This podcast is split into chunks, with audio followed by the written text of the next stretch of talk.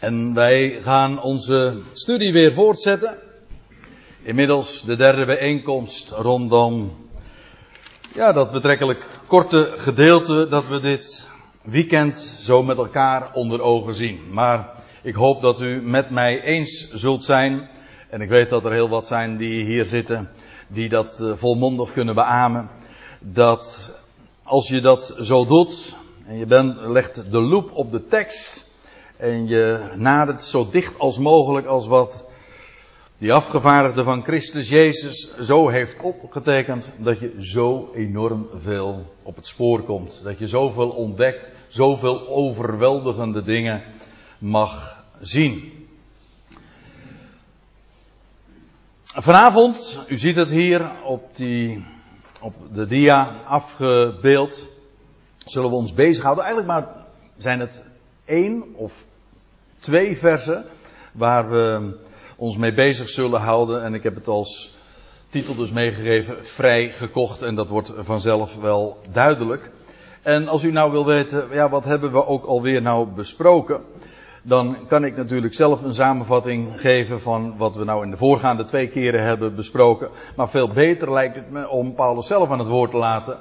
En de tekst nog eens te lezen, wat we tot dusver hebben besproken. En ik lees weer even voor en ik lees tot dus, dus door tot, uh, tot en met, wat was het? Ja, tot en met vers 6, ja. Paulus schrijft dan dit.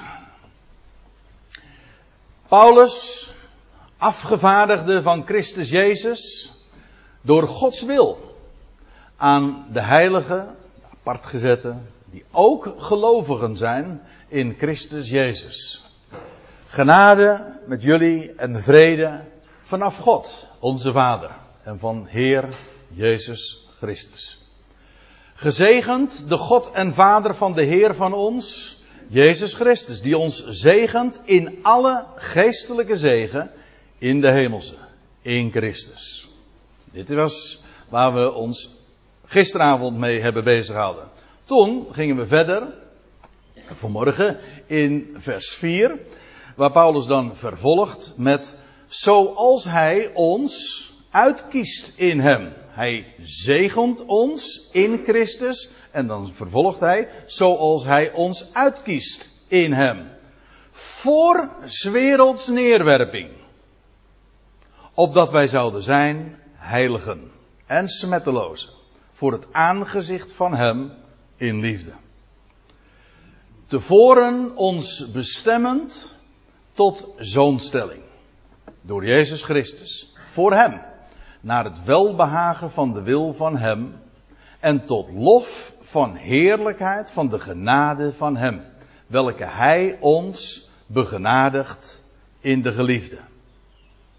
Ja, en dan ziet u een paar puntjes staan, want de zin loopt verder. Maar ik hoop u al eerder verklapt. De zin loopt heel lang door, want het is gewoon één zin waar we ons deze dagen mee bezighouden. Vanaf vers 3 tot en met vers 14 is één zin. En ja, in de NBG-vertaling begint dan in vers 7 een nieuwe zin. Maar er staat eigenlijk gewoon letterlijk dan, in wie wij hebben, dus gewoon in het origineel loopt de, de zin verder, in wie wij hebben, namelijk in de geliefde. En slechts de NBG-vertalers hebben voor het gemak maar een nieuwe zin hier ehm, zijn hier begonnen. Maar zoals gezegd, het is eigenlijk één groot pakket wat hier neergelegd wordt.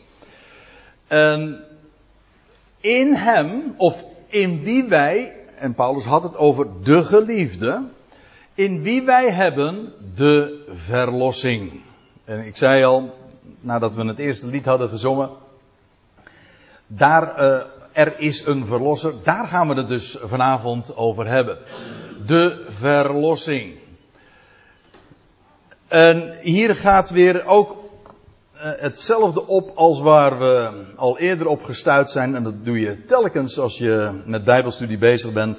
Dat je te maken hebt met zoveel terminologie, woorden die ja, bekend zijn, in het Bijbels, of moet ik zeggen in het kerkelijk jargon, maar juist daardoor te lijden hebben onder hun bekendheid. En eigenlijk weten we daardoor niet meer werkelijk waar het over gaat. Uh, een van die woorden die uh, daar heel erg onder geleden hebben, dat is ook dit woord. En vanavond gaat het met name ook daarover en alles wat daarmee verband houdt. In hem hebben wij de verlossing. Hier staat een Grieks woord, apolutrosis. En dat, daar zit een woord in, u herkent dat wel. Uh, lutrosis, het woordje lutron, en dat is het woord losprijs.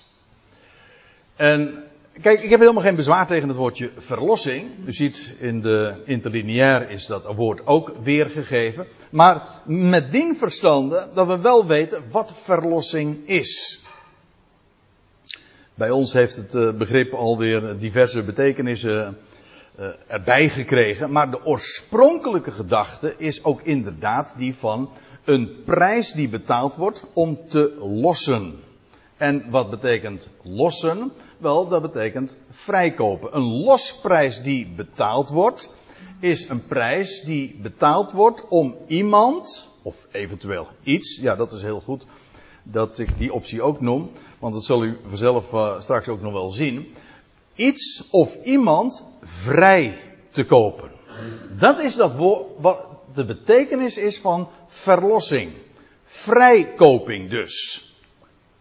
Zodat hier staat verlossing, allemaal prima, maar de, in de betekenis van het oorspronkelijke, namelijk vrijkoping.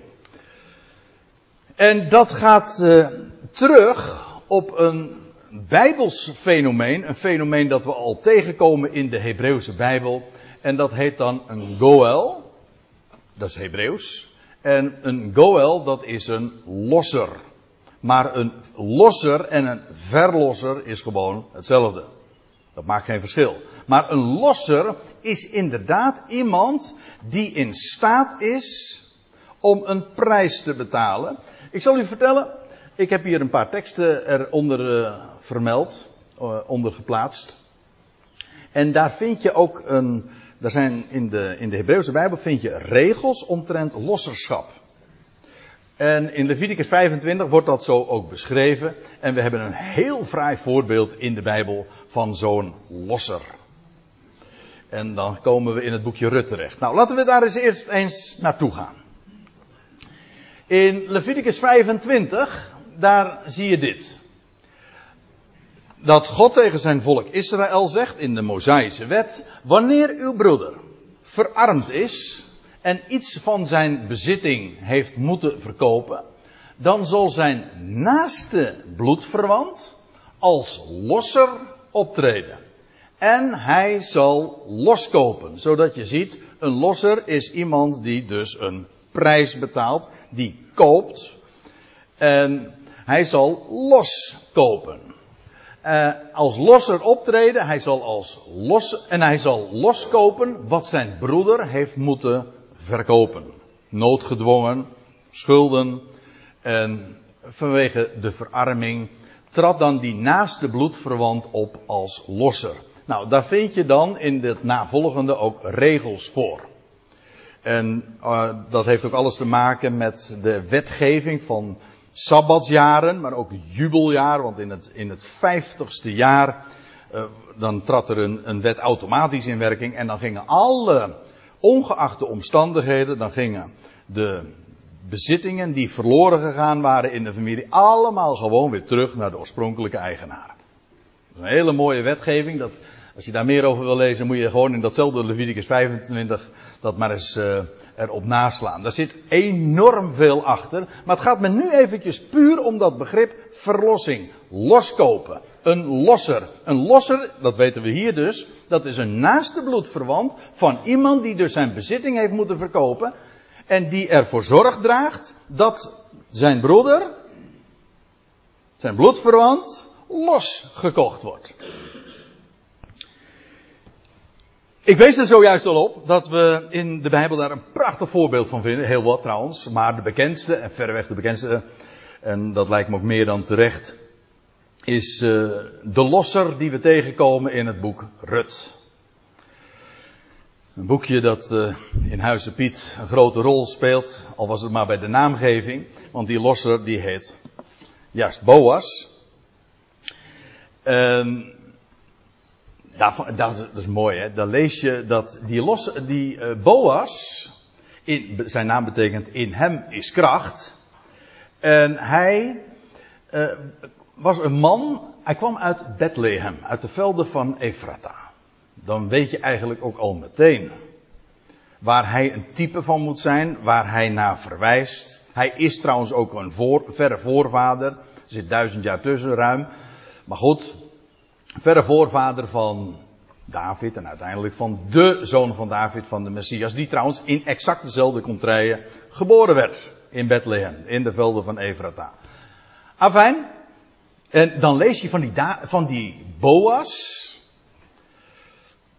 dat, ja nou moet ik me gaan inhouden, want we moeten natuurlijk wel bij het onderwerp blijven, maar van die Boas lees je, hij was een man geweldig van vermogen. Dat wil zeggen, een zeer vermogende man. En een zeer vermogende man, dat betekent gewoon dus iemand die, die in staat is om een hoge prijs te betalen. Nou, dat is precies wat in het boekje Rut ook erg nodig was. Want uh, Naomi, die, uh, ja, die was uh, berooid weer teruggekomen. Ik ga er maar even vanuit dat u die geschiedenis kent. Maar goed, ik lees in Rut 3. Dan is de schoondochter van Naomi, die heeft zich gevoegd op de dorsvloer en dan ontmoet zij deze Boas. Dat hele mooie verhaal laten we voor wat het is. En dan lees je dat hij s'nachts wakker wordt en dan ziet hij een vrouw aan zijn voeteneinde liggen. En allemaal heel spannend natuurlijk. En hij, dat is dus Boas, hij vroeg wie ben jij? En dat vraagt hij dan aan Rut. En zij antwoordde, ik ben Rut, uw dienstmaagd. Spreid uw vleugel uit over uw dienstmaagd. Want gij zijt de losser. Dat wil zeggen, jij bent de losser. Degene die ons uh, vrij moet kopen. Jij bent een bloedverwant van ons. Ze had hem al eerder getroffen, maar goed. Jij bent de losser. En dan lees je even verder. Nu dan, uh, zegt hij, zo reageert Boas. Uh, weliswaar ben ik losser, maar er is nog een losser. Nader dan ik. Die, die is nog losser, zeg maar. Ja. dat, die, was nog dichter die stond nog dichter bij uh, Rut in de familie. Ja, en, en dan lees je even verder. Blijf vannacht hier, vraagt, zegt hij dan tegen, tegen Rut. En morgenochtend, indien hij, die man die nog losser is dus, hè. Uh, indien, hij u los, indien hij u lossen wil, goed, laat hem lossen. Maar is hij niet genegen u te lossen, dan zal ik u lossen. Dat wil zeggen, loskopen. Ik zal de prijs betalen. Zo waar de Heere leeft. Nou, u weet hoe het afloopt. Boas, die, uh, die, gaat het, uh, die gaat het rondmaken. Een geweldige geschiedenis, ook in profetisch opzicht. Het is werkelijk adembenemend. Zo, het zijn maar vier hoofdstukjes, maar zo schitterend, vol met illustraties. Uh, en dan komt Rut, dat vind ik ook zo mooi, dan komt Rut uiteindelijk thuis. Bij haar schoonmoeder Naomi. En dan zegt ze, zit. Ga nou maar gewoon rustig zitten, want die man zal niet eerder rusten totdat hij de zaak tot een goed einde gebracht heeft. Alleen al als ik dit lees, denk ik van kijk, dan weet je meteen al met wie je van doen hebt, namelijk de grote man uit Bethlehem, geweldig van vermogen, en die zal niet rusten eer dat hij de zaak tot een goed einde gebracht heeft. Succes verzekerd. Een vermogende man. Hij gaat, hij neemt de taak van losser op zich. De naaste bloedverwant. En hij zet zich in. Nou. Ik lees nog even verder. Uh, het gaat me even om zo door de, door, het Oude Testament heen te bladeren en, en u laat, te laten zien waar dat begrip loskopen en losser of verlosser een rol speelt. Een boekje als Job, nou boekje, dat is een flink boek. Uh, daar lees je in Job 19 En dat is een prachtige zin. En Hendel heeft daar een heel mooi nummer op geschreven. Eh, op grond van, uitgaande van dit, uitgaande van dit vers. En dat Job dan zegt, maar ik weet. Een heleboel wist hij niet. En barsten van de vragen. Maar hij zegt, maar ik weet dat mijn losser, mijn Goel, leeft. En ten laatste zal hij op het stof optreden. Maar u ziet, uh, hier in die interlineair letterlijk staat daar gewoon het woord voor opstaan. Hij zal opstaan. Hij leeft. En ja, daarom is hij ook zo geschikt om de rol op zich te nemen van een losser. Hij zal, hij mijn losser leeft en hij zal opstaan en hij zal de zaak tot een goed einde brengen. Dan gaan we naar Timotheus. Ik zie dat ik een fout gemaakt heb. Het is Timotheus natuurlijk. Daar lees je. Wacht even Ik had er nog één, dacht ik. Ja, ik had er nog één. Maar ik ben uh, dat diaatje zeker verloren of zo. Ik weet het niet hoe dat uh, gegaan is. Ik had er namelijk nog een hele mooie uit Jezaja. Maar misschien dat hij nog straks uh, toch nog dat hij een beetje verdwaald is geraakt. Sorry? Nee, nee, nee, nee dat is uw Jesaja 55. Nou, laat ik hem dan maar even lezen. En je zult meemaken, straks kom ik hem alsnog tegen. Maar goed, uh, mocht dat niet het geval zijn, hij hoort eigenlijk hier thuis. In Jesaja 55. Nee, 54. Ja. In Jesaja 54, daar staat dit. Er wordt tegen Israël gezegd.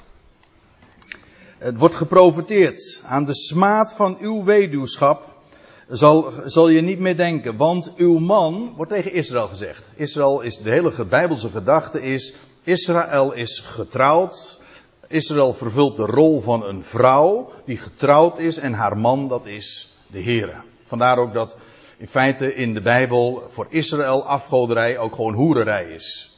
Dat wil zeggen, als ze achter andere goden achter, eh, naliep, dan liep ze achter een andere man na. Vandaar ook dat afgoderij en, en hoererij voor Israël synonieme begrippen zijn. Uw ma want uw maker is uw man. Heere der Heerscharen is zijn naam. Ik lees voor uit Jesaja 54 vers 5. Voor de goede orde.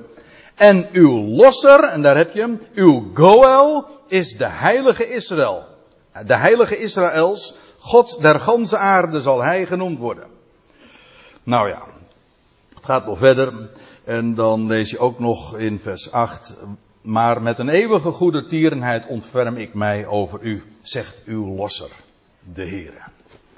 Ook de Heere is daarmee dus, uh, ja, degene die die taak op zich neemt feitelijk de taak van de laatste, van de naaste bloedverwant. Ja, daar zit een hele diepe bijbelse gedachte achter. Feitelijk, de Heer is tot ons gekomen, heeft bloed en vlees aangenomen en is de naaste bloedverwant geworden. Hij, in de Messias. Ja, uiteraard. En goed, en dan gaan we dan uiteindelijk toch naar 1 Timotheus 2 toe. En daar lees je dat Paulus deze woorden uitspreekt. Want, zegt hij, er is één God. Dat want, er, is, er gaat nog een vers aan vooraf natuurlijk. Dat is, God wil dat alle mensen gered worden en komen tot kennis der waarheid. Want staat er dan, er is één God. Er is ook één middelaar. Eén middelaar van God en mensen. De mens, Christus, Jezus. Nou komt het, die zich gegeven heeft tot een losprijs voor allen. En hier wordt weer zo'n woord gebruikt, antiluteron, een overeengekomen loskoopsom. Dat is wat de, het woord dan betekent. Maar ook weer de gedachte dus van een prijs om los te kopen. Om vrij te kopen dus. En hier ziet u ook meteen hoe ver dat strekt. Want hij heeft een prijs betaald, ja voor wie? Nou, voor allen. Want God wil dat alle mensen gered worden. Waarom? Nou, er is één God. Die allemaal, alle mensen gemaakt heeft. Alle mensen bedacht heeft. En trouwens, er is ook één middelaar. Door wie God tot de mens komt. De mens Christus Jezus. Zoals het omgekeerd ook zo is. Dat een mens tot God komt via hem. Hij is die ene middelaar. Maar de prijs is voor allen betaald. Daar heb je een heel mooi voorbeeld nog van. Ook daar heb ik ook even nu geen diaatje van, maar dat schiet me nu te binnen. In Matthäus 13, daar lees je over zo'n gelijkenis van een man die een schat in de aarde vond. In een akker vond. En dan lees je, hij, hij kocht die schat, maar dat staat er niet. Hij vond een schat in de akker, hij wilde die schat hebben, en wat deed hij? Hij kocht de akker. En in datzelfde hoofdstuk, Matthäus 13, wordt, wordt dan ook uitgelegd wat die akker is. De akker is de wereld. Ja. Dus, ja, dan zie je hoe uh, all-inclusive die prijs is die betaald is. De losser, hij betaalt de prijs voor allen. Hij kocht de akker. De hele akker, de hele wereld. Dat is de prijs die hij betaalde. Dus, nou hebben we die, dat eerste zinsdeel. In hem, in wie wij, de geliefde, de verlossing hebben.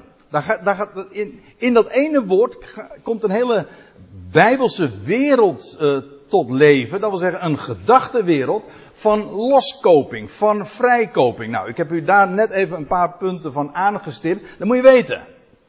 Wat, wat, wat daar allemaal aan uh, gedachten in besloten is. Maar het is in ieder geval vrijkoping. In wie wij hebben de vrijkoping.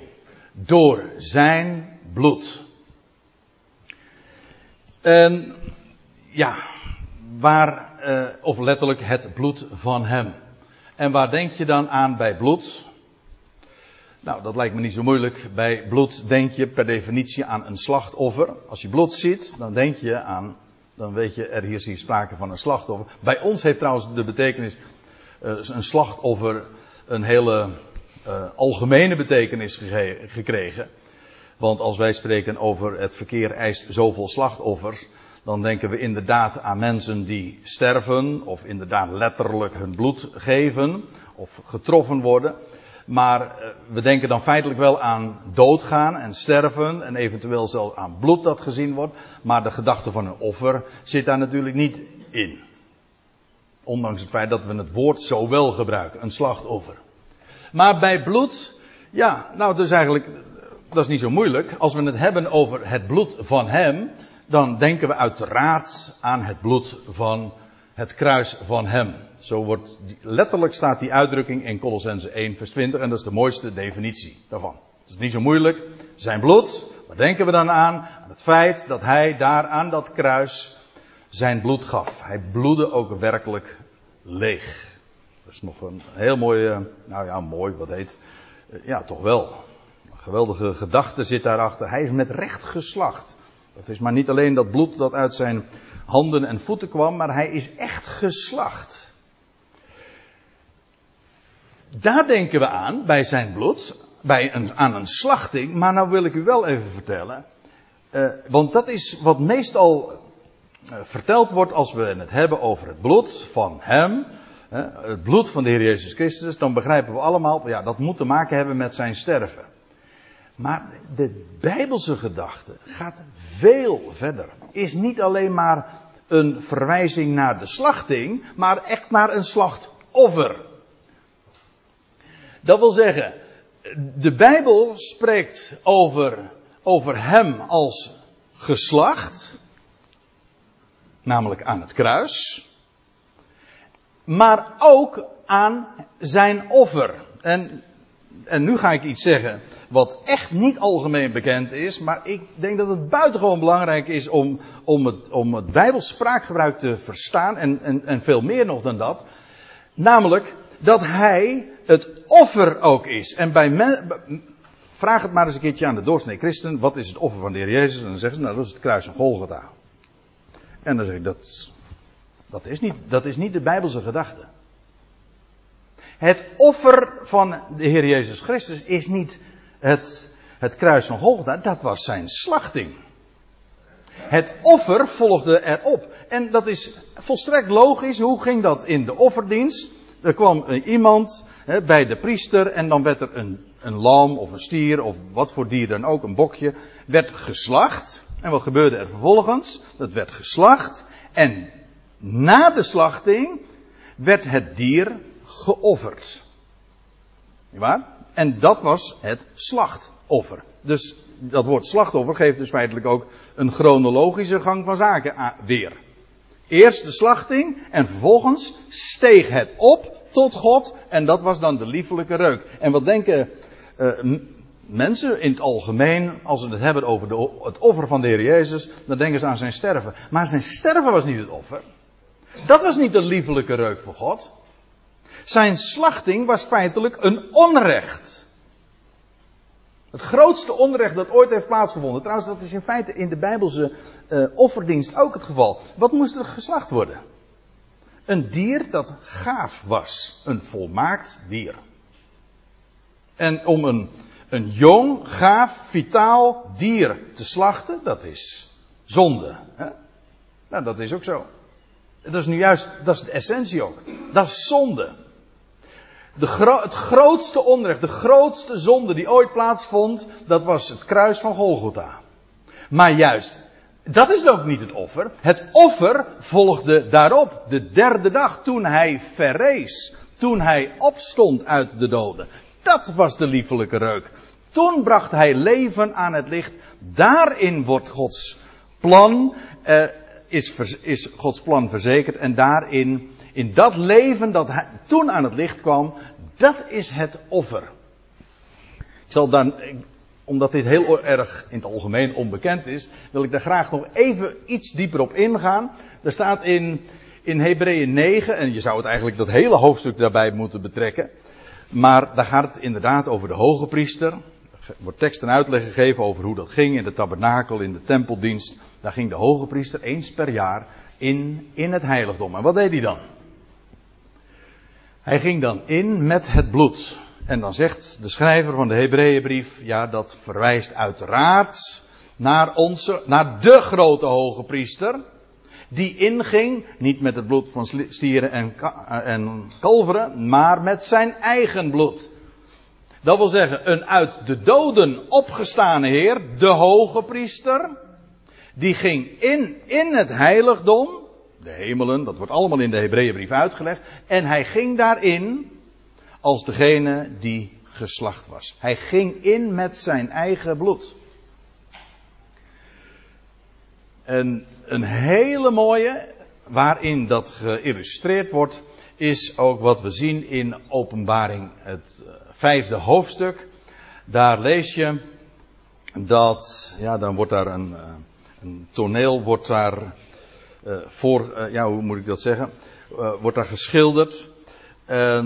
dan wordt er gewezen, ja, moet er een boekrol geopend worden die helemaal verzegeld is. En wie is dan waardig? En er blijkt er niemand waardig te zijn. En dan wordt er op een gegeven ogenblik geroepen van, zie, de leeuw uit de stam van Juda. De wortel Davids. Dat wil zeggen degene in wie David zijn oorsprong heeft. Weet u wel, Boas trouwens. De losser. Die man uit, Bethlehem, weet u wel.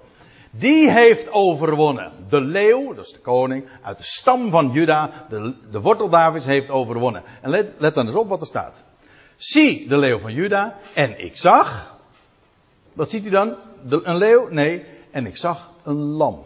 Ja, in onze vertaling staat dan een lam, maar er staat eigenlijk het verkleinwoord een lammetje. Een lammetje staande als geslacht zijnde. En dan moet je even denken. Een, dat is niet normaal. Een lammetje dat geslacht is, dat ligt. Dat is dood. Normaal.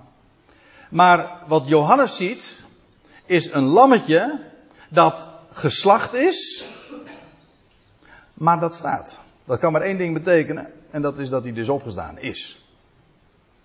Het is hier de opgestane. En daarmee ook de leeuw uit de stam van Juda. De overwinnaar. Kijk, en daarom is er ook kracht in het bloed. En reinigt het bloed. Dat bloed, dat spreekt van hem die stierf. Maar als je het daar alleen maar toe beperkt, dan begrijp je het niet. Het spreekt van het slachtoffer. Het spreekt van hem die stierf en op de derde dag verrees en opstond uit de doden en inging in het hemels heiligdom. Daar.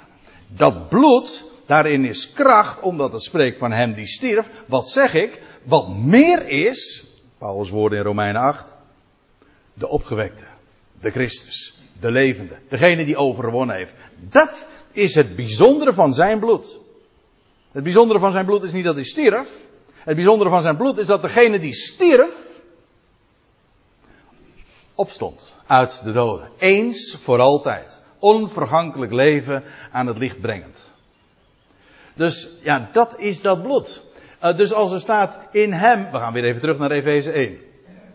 In hem hebben wij de verlossing, de vrijkoping, door zijn bloed. Dan komen we bij weer een woord, de vergeving.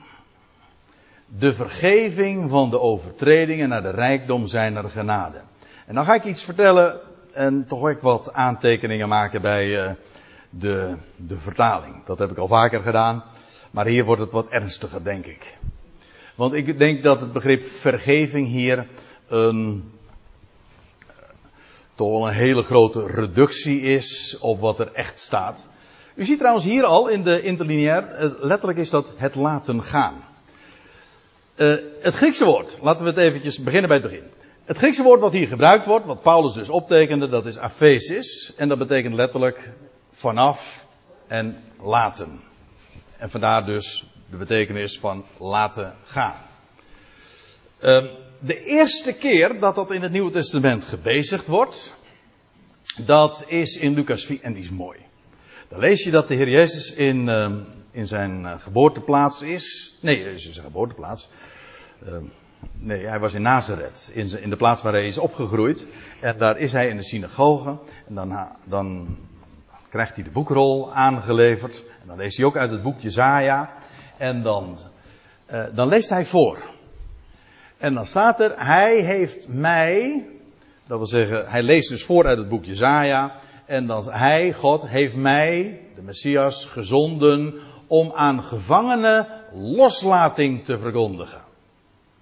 En aan blinden het gezicht om, om verbrokenen heen te zenden in vrijheid. Hier wordt het woord loslating uh, weergegeven, hier vrijheid. Maar ik zal je vertellen, in het Grieks staat hier twee keer hetzelfde woord, namelijk aphesis. Exact hetzelfde woord als ook in Efeze 1 vers 7. Daar wordt het weer vertaald met vergeving. U zegt, zoek het maar uit. Nou, dat denk ik dan ook. Dat wordt lastig. En het, ook hier is dus, hier krijg je, en dat is het mooie van dit voorbeeld, dit is een heel concreet voorbeeld van wat Aphesis is. Hier worden gevangenen om aan gevangenen loslating te verkondigen. Dat is maar niet vergeving, zo in de zin van dat de schuld wordt niet meer aangerekend. Nee, die gevangenen worden losgelaten. Dat is wat het is. Ze, ze, uh, men laat die gevangenen uit de gevangenis los, men laat ze gaan. In vrijheid worden ze gesteld. En hier heb je exact dezelfde gedachte weer in het tweede voorbeeld. Om verbrokenen heen te zenden in vrijheid. Om ze te laten gaan. In vrijheid te stellen. Dat is de betekenis van dat woord uh.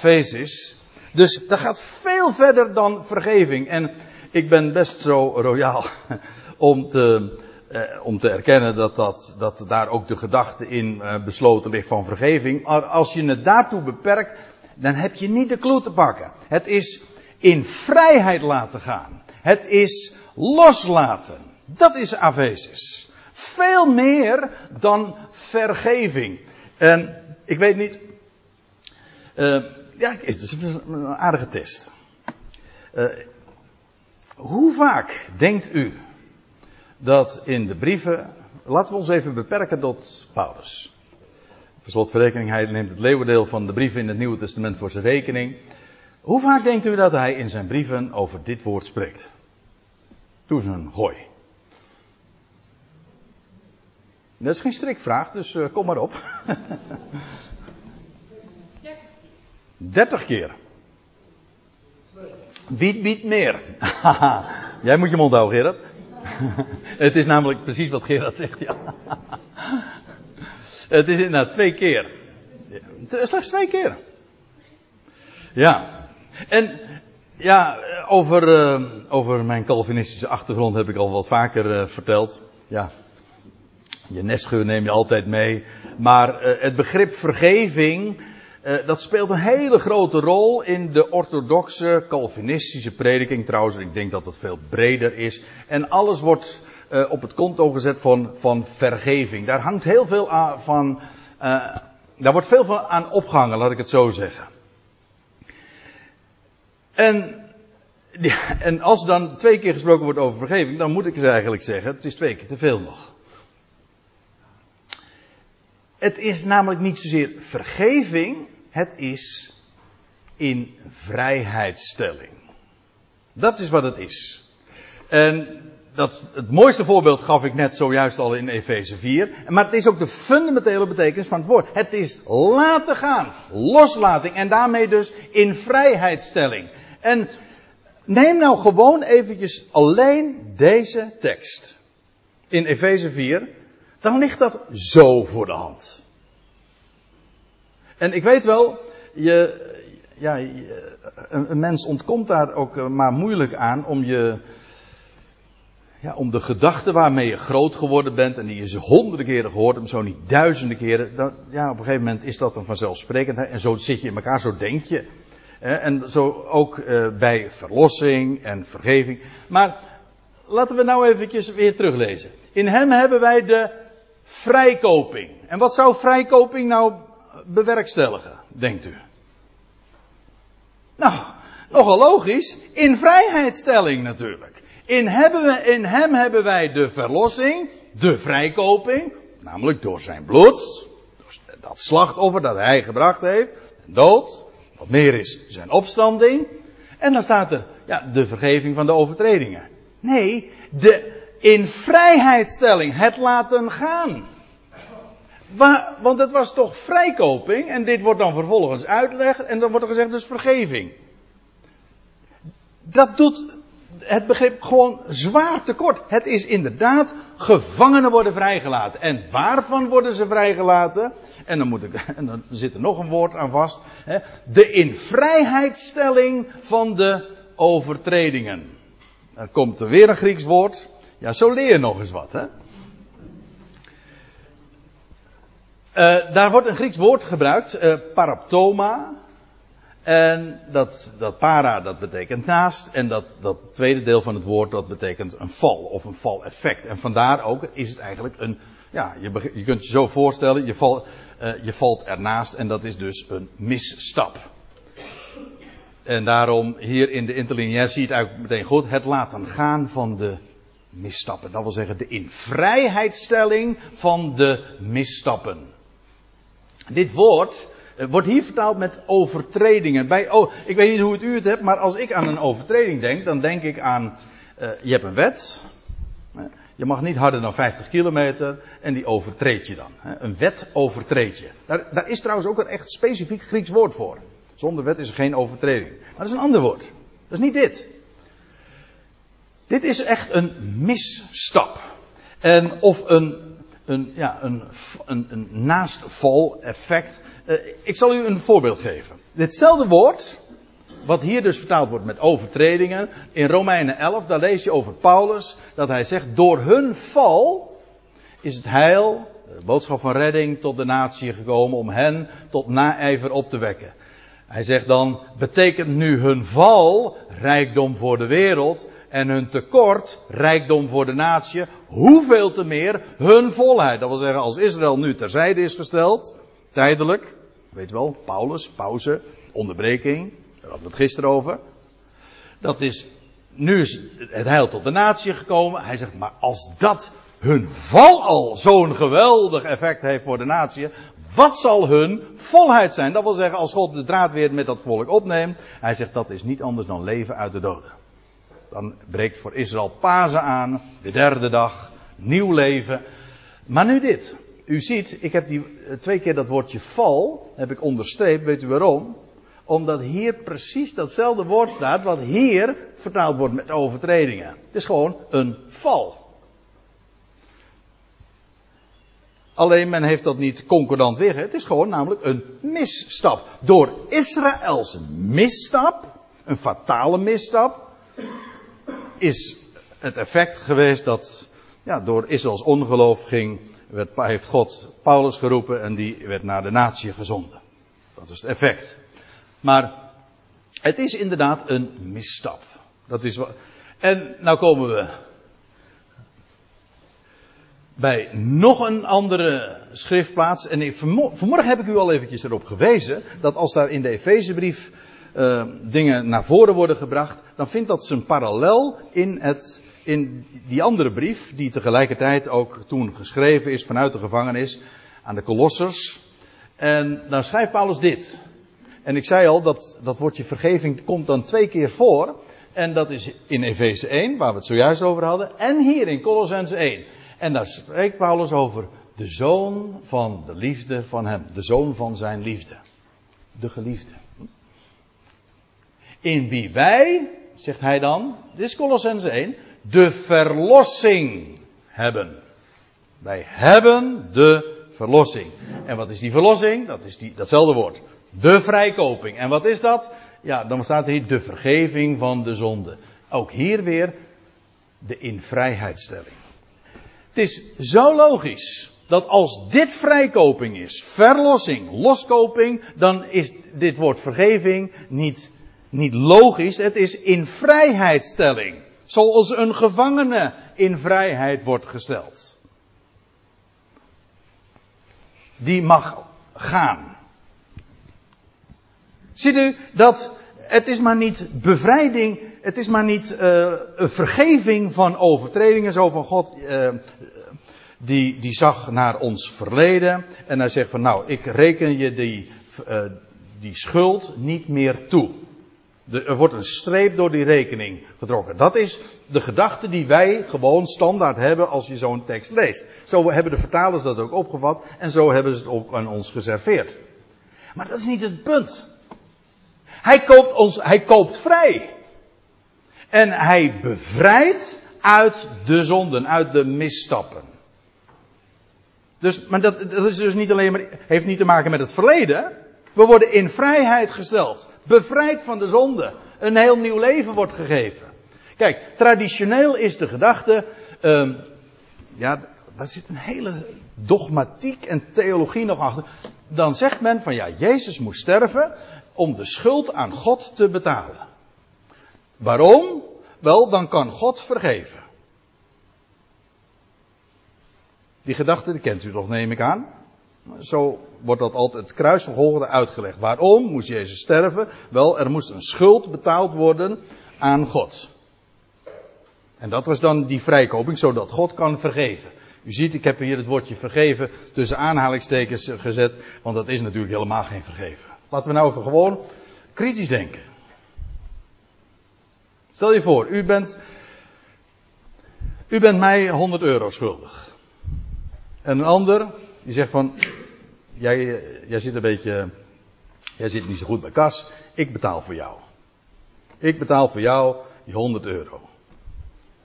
Dan zeg ik toch niet tegen u van, uh, ik vergeef jou die 100 euro. Hoezo? Ik heb helemaal niks vergeven. Ik heb gewoon die 100 euro gekregen. Toch? Dat is, dat is helemaal geen vergeving. Maar dat is wel zoals dat men dat altijd uitlegt. Men zegt van ja, God kan niet zomaar vergeven. Er moest eerst een schuld betaald worden. Maar als die schuld betaald is, als dat de gedachte zou zijn, wat valt er dan nog te vergeven? Als de schuld betaald is. Dat is geen vergeving. Maar er zit nog iets achter en dat is dat ons, het komt feitelijk op neer dat God niet vermogend is om zomaar te vergeven. En zeggen, ik vergeef het jou. Nee, er moest altijd iets betaald worden aan hem. En dat, en dat is wat men altijd zegt over dat, die prijs die betaald werd op Golgotha. Dat zou een schuldbetaling zijn aan God. Nee mensen, dat is het niet. Dat is geen schuldbetaling. Die prijs die betaald werd, dat is een loskoping, een vrijkoping. De losprijs is betaald. En aan wie wordt een losprijs betaald? Nou, aan degene die gevangen houdt natuurlijk. En wie, en daar hadden we het al eerder over, wie houdt ons gevangen? Of wat houdt ons gevangen? Dat is de zonde. Dat is de dood. Wij zijn, wij zijn eigenlijk slaven in deze vergankelijke wereld. We zijn gevangen in zonde en dood. Ook dat wordt uitgelegd. Maar begrijpt u, dat houdt ons gevangen. En daar wordt een prijs voor betaald. Om in vrijheid te laten gaan. Er, wordt dus, er is geen prijs aan God betaald. Er is een prijs betaald zodat wij in vrijheid zouden kunnen gaan. Wij, waren, wij zaten gevangen in de misstappen. En wat God doet. Ja, dan gaan, ik, ga, ik ga nog even terug. In hem hebben wij, in hem hebben wij de verlossing. De vrijkoping. Door zijn bloed. De invrijheidstelling van de misstappen. Hij geeft ons nieuw leven. En daarmee zijn wij bevrijd van de zonde. We hebben een bestaan waarbij we niet meer vastzitten in, in zonden en misstappen. We worden gerechtvaardigd. We hebben een nieuw leven. Ons leven heeft zin en inhoud gekregen. Dat is dus veel meer dan alleen dat, dat, dat, dat de schuld niet meer aangerekend wordt. We worden in vrijheid gesteld, zodat we nu inderdaad een leven, een leven hebben met een bestemming. Geen, niet meer van doel missen, dat is wat zonde is, maar een leven met een doel. We leven voor Hem. We zijn dus bevrijd. Ik vind het lastig om dit, uh, om dit goed uit te leggen. En u zegt van, ik vind, en ik vind het nog lastiger om het te begrijpen. Dat kan natuurlijk ook nog. Maar ik hoop dat u in elk geval één ding goed begrepen heeft. En dat is dat we hier te maken hebben met vrijkoping en met in vrijheidstelling. We worden bevrijd. We hebben een nieuw leven. Een, we zaten gevangen en er is een goel, er is een verlosser en hij zorgt ervoor dat wij, wij die verarmd waren, die niet in staat waren om vrijgekocht, om onszelf vrij te kopen, hij heeft de prijs betaald. Hij zorgt ervoor. Hij garandeert de vrijheid. We niet meer vastzitten. Vrijheid. Leven ontvangen. En ik moet nog even verder gaan, want er staat er nog bij. Uh, in hem hebben wij de vrijkoping door zijn bloed. De in vrijheidstelling van de misstappen.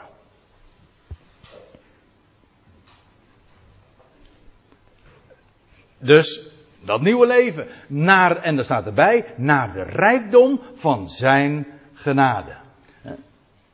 Van slaaf, want dat is de gedachte bij verlossing. Je bent een slaaf, je zet ergens aan vast. Je wordt vrijgekocht en we worden vervolgens gesteld in de hoogste positie van zoon. Maar daar hadden we het vanmorgen al over. En nou, nog iets moois. Er staat naar. Hè? in overeenstemming met. Naar de rijkdom van zijn genade. We hadden het al eerder over die genade. God geeft om niets. Hij stelt in vrijheid.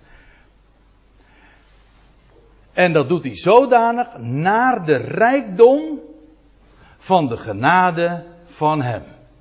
Naar de rijkdom, dat betekent dus rijkelijk. Er staat dus niet uit de rijkdom van hem, maar naar zijn rijkdom. En ik heb daar een hele mooie vergelijking voor. Stel je voor, je bent schat eh, hemelrijk. Ik, laat ik een voorbeeld geven. Als uh, Bill Gates, die komt een bedelaar tegen. En hij geeft hem 50 eurocent. Dan geeft hij uit zijn rijkdom, nietwaar? Maar wat gebeurt er als Bill Gates naar zijn rijkdom geeft? Dan gebeurt er iets heel anders. Dan geeft hij namelijk rijkelijk. In overeenstemming met dat wat hij bezit. Zijn vermogen. En dan is die bedelaar ineens geen bedelaar meer. Dan is hij binnen. ja. Ja. Hij, God geeft naar de, rijk, naar de rijkdom van zijn genade. Nou, over genade daar hebben we het. Eigenlijk, het, het is inderdaad een opeenstapeling van, van van genade, dat wil zeggen van vreugde die God geeft. Inderdaad, gratis, voor niks. Hij zorgt ervoor dat die prijs werd betaald. En er staat er nog iets bij, welke hij ons, welke genade, uh, daarover gaat het, welke hij ons overvloedig heeft bewezen. U ziet, er staat letterlijk die genade, uh, welke hij overvloedig doet zijn tot in ons. Ik heb expres even dat plaatje erbij gezet hè, van, een, van een glas dat gevuld wordt, dat hij doet overvloeien. Dat wil zeggen, hij vult het niet alleen maar, hij zorgt ervoor dat het zodanig gevuld wordt dat het, dat het overloopt. Dat is wat toch wat overvloeien is. Hij, hij uh, genade welke hij uh, overvloedig doet zijn tot in ons. Zo, zo zegt Paulus dat dan letterlijk. En hoezo? God zorgt ervoor dat zijn genade geëffectueerd wordt. Hij zorgt ervoor dat we in vrijheid gesteld worden. Hij zorgt ervoor dat we tot onze bestemming komen. Want we hadden het er toch over. Hij kiest uit. Hij bestemt voor. Hij bestemt tot de hoogste positie. Ja, waarom? Wel, omdat wij nog een geweldige taak straks gaan krijgen. Voor de hele schepping. Waarover morgen straks meer. Maar overvloedig bewijst hij dat. En nu die laatste uitdrukking dan nog. In alle wijsheid en verstand. Want er gebeurt nog veel meer. Hij zet ons niet alleen maar in vrijheid. Hij zorgt er niet alleen maar voor dat ons leven uh, nu uh, een richting heeft gekregen, zodat we niet iedere keer hoeven uh, mis te stappen. We worden daarvan in vrijheid gesteld. Hij geeft ons zijn woord, zodat ons leven gewoon richting, zin, inhoud heeft. Dat is in vrijheidstelling. Daar blijft het niet bij, want hij geeft naar, hij doet het overvloeien die genade in ons en wel door ons ook nog eens een keer in alle wijsheid en verstand dingen te gaan vertellen. En wat dat dan is, wel dat is het volgende en daar, gaan we, daar pakken we morgen dan weer de draad bij op. Maar eerst even, nog wel even deze laatste zin. Hij doet genade in ons overvloeien. Dat wil zeggen, want het blijft niet alleen maar bij die in vrijheidstelling. Hij geeft ons ook nog eens een keertje wijsheid. Wat zeg ik? Hij geeft ons alle wijsheid. Wijsheid. Dat woord is mooi, is echt heel fraai. Want in, u kent het woord allemaal, we kennen het als naam, Sophia.